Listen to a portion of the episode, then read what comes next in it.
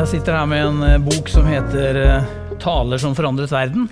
Eh, Her kan du lese taler av berømte personer som Winston Churchill eller Napoleon, Gandhi, Winston Churchill, Nelson Mandela eller John F. Kennedy. Um, jeg har en favorittale i den boka her. Uh, og siden det her er en gudstjeneste, så er det kanskje ikke noe overraskelse uh, når jeg sier at uh, det er Jesus som er favorittaleren. Eh, for nemlig eh, bergprekenen er gjengitt i denne boka her. Eh, og vi skal lese dagens tekst fra bergpre bergprekenen, som du finner i Matteus 7. Her står det i vers 24. Vær den som hører disse mine ord og gjør det de sier, ligner en klok mann som bygde huset sitt på fjell. Regnet styrtet, elvene flommet, og vindene blåste og slo mot huset. Men det falt ikke, for det hadde sin grunnvoll på fjell. Eh, Det er vel få taler, kanskje ikke noen, som har eh, hatt så stor eh, impact på, på verden og på ettertiden som når Jesus holdt bergprekenen i Galileafjellene.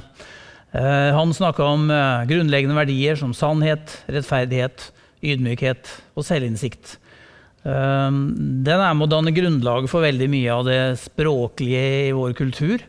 Eh, Han ga oss den gylne regel, snakka om den smale og den brede vei, om at den som leter, han finner. Eh, Den kjente bønnen Fader vår, eller Vår Far som det heter nå, den finner du der.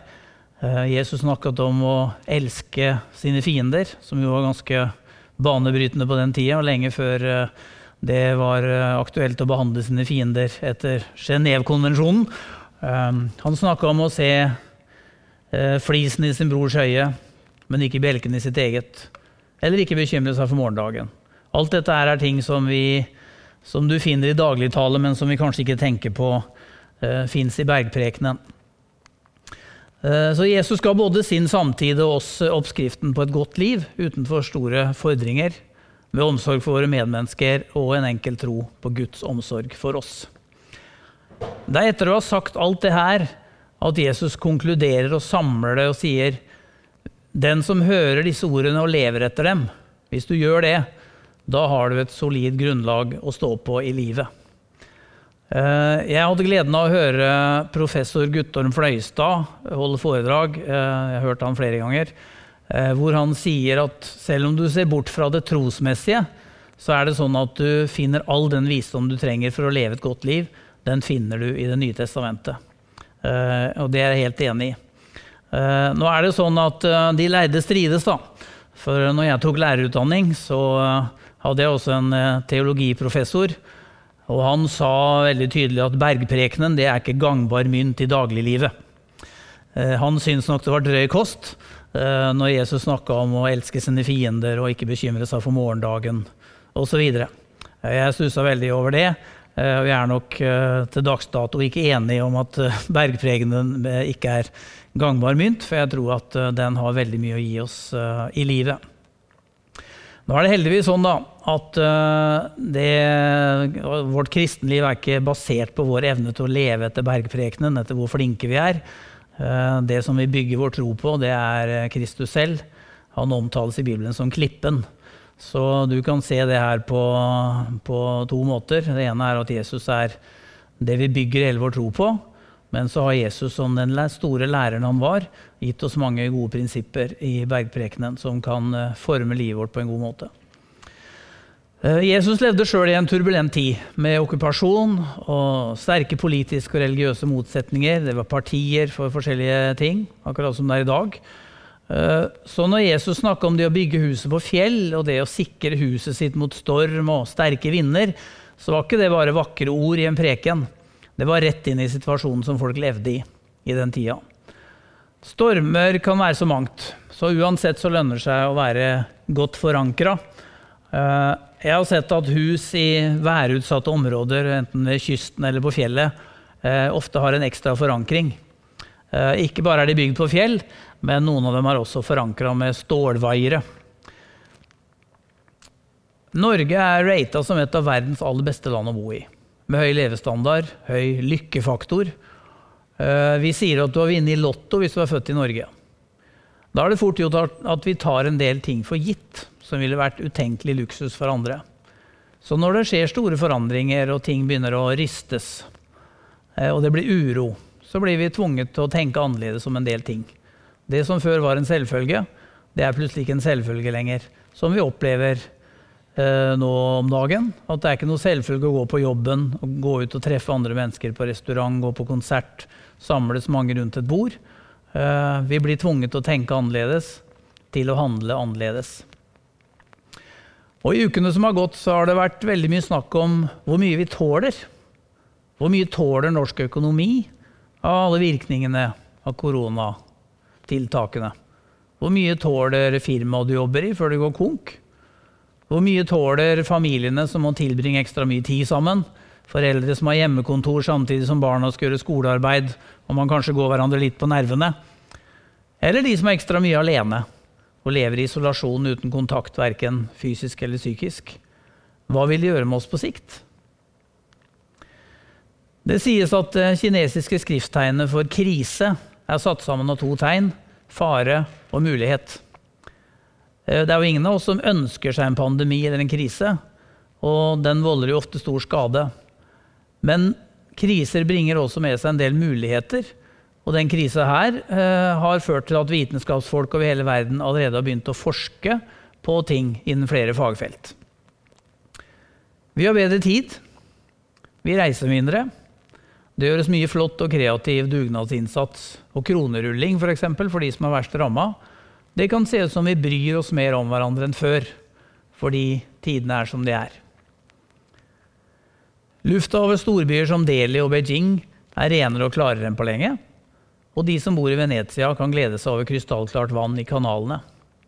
Seismologer hevder til og med at de observerer lavere seismisk aktivitet fordi mye menneskelig aktivitet har stansa opp. Det er som om hele planeten får en sårt tiltrengt pustepause. Og kanskje vi òg får en pustepause. Kanskje er det midt oppi denne krisa at vi får en mulighet til å stanse opp og tenke skal vi virkelig fortsette med det kjøret vi har vært en del av? For det er også mye snakk om nå. Hva vil vi ta med oss videre av endrede tankemønstre, holdninger og praksis når alt vender tilbake til det normale? Vil vi lære noe av det her? Kanskje vi kommer til å lære at vi er mer avhengige av hverandre enn vi trodde? Vi tåler ofte mer enn vi tror når ting røyner på, men jeg tror vi tåler det best sammen med andre. Er det egentlig noe normalt at vi reiser så mye, forbruker så mye, stresser så mye? Ikke ifølge bergprekenen, og ikke ifølge rådet som Jesus kom med der. For hva gagner et menneske, sa Jesus, om det vinner hele verden, men tar skade på sin sjel? Så kanskje denne tenkepausa kan gi oss litt drahjelp og en startkapital til å tenke over hvordan vi kan leve et enklere og langsommere liv. Hvor vi er mer til stede for hverandre. Eh, det er mange spørsmål som melder seg rundt det, og jeg har ikke alle svara. Jeg har ikke så mange svar å gi deg på det. Hvordan kan vi gjøre det uten at det blir som et vanlig nyttårsforsett som har blekna før vinterferien kommer? Jeg tror at eh, en pekepinn på hvert fall det som ble oppfattet som normalt i den første kristne kirken, kan hjelpe oss litt på veien. Den første menigheten oppsto i en veldig urolig tid, hvor mye av det folk hadde opplevd som vanlig, var tatt ifra dem. Det var mange mennesker stua sammen på en liten plass i Jerusalem. Eh, de hadde forlatt veldig mye av det de levde i til vanlig. Eh, og det står i apostlenes gjerninger at de prioriterte fellesskap med hverandre veldig høyt. De kom sammen til bønn og undervisning, men ikke bare til gudstjenester. De spiste sammen i hjemmene, og det står at de gjorde det med oppriktig glede. De delte til og med materielle goder mellom seg. Folk solgte ting de eide, og delte ut til de som trengte det. Eh, litt sånn som vi ser nå, at folk eh, bryr seg om andre på en litt mer konkret måte, og tenker på de som har blitt ramma. Det vil si at behov ble møtt. Jeg tror at det er det som egentlig er menighet. Det med fellesskap. At man deler, at man tenker på hverandre. Deler liv, deler tid, og deler til og med materielle goder. Det tror jeg er mye oppskriften på det å være en menighet. Noe av det fineste jeg vet, er lange, hyggelige måltider med venner eller familie. Hvor vi sitter rundt et bord og prater og ler og deler gode historier. Det er noe av de tingene som vi kanskje savner mest akkurat nå. Eh, det er derfor det med fellesskap rundt et bord eh, er så viktig. Og det er derfor det med nattverden i Bibelen er et av de sterkeste kristne symbolene. Det som Jesus innstifta ved påsketider, som vi nettopp har feira. Nattverden kombinerer nemlig det med næring og nærhet. Vi får næring samtidig som vi opplever nærhet med hverandre. Og i nattverden så opplever vi også nærhet til Gud.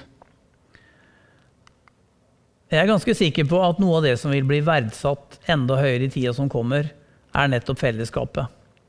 Ikke minst det kristne fellesskapet. Det at uh, du kan føle tilhørighet. Og det tror jeg er den beste forankringen du kan ha det å høre til. Ikke bare høre til Guds familie eller høre til eh, en, eh, et, et, kirkesamfunn eller en menighet, men virkelig å kjenne det fellesskapet du kan ha med andre troende. Oppleve at eh, du gjør deg sårbar. Oppleve at du, at du gjør deg avhengig av de som er rundt deg. Og oppleve at du også kan dele med deg av det som du har. Eh, og at du da på den måten er med og bidrar til et fellesskap som både styrker, som forvandler og forankrer oss, slik at du faktisk tåler en storm. For vi vet at uh, stormer kommer til å komme. Det er vanskelig å gå gjennom livet uten å oppleve det. Men det er da det store spørsmålet er hvilken forankring du har. Uh, så den beste forankringen er å stå på det som Jesus har gjort det å leve etter det som Jesus viste oss i bergprekenen, bl.a. Eh, og det å være en del av et fellesskap som gjør at du ikke står alene, men du kan eh, komme akkurat sånn som du er, og du kan få dele både sorger og gleder og det du har, med det fellesskapet. Eh, akkurat som vi inviterer gjester til et godt planlagt selskap, så sier Jesus i Johannes' åpenbaring 'Kom, for alt er ferdig'. Det er ikke noe du og jeg kan gjøre for å legge noe til det Jesus har gjort. Det er ferdig. Så hvis ikke du er en del av et kristent fellesskap, så vil jeg anbefale deg å bli det. Jesus sier til deg, kom, for alt er ferdig.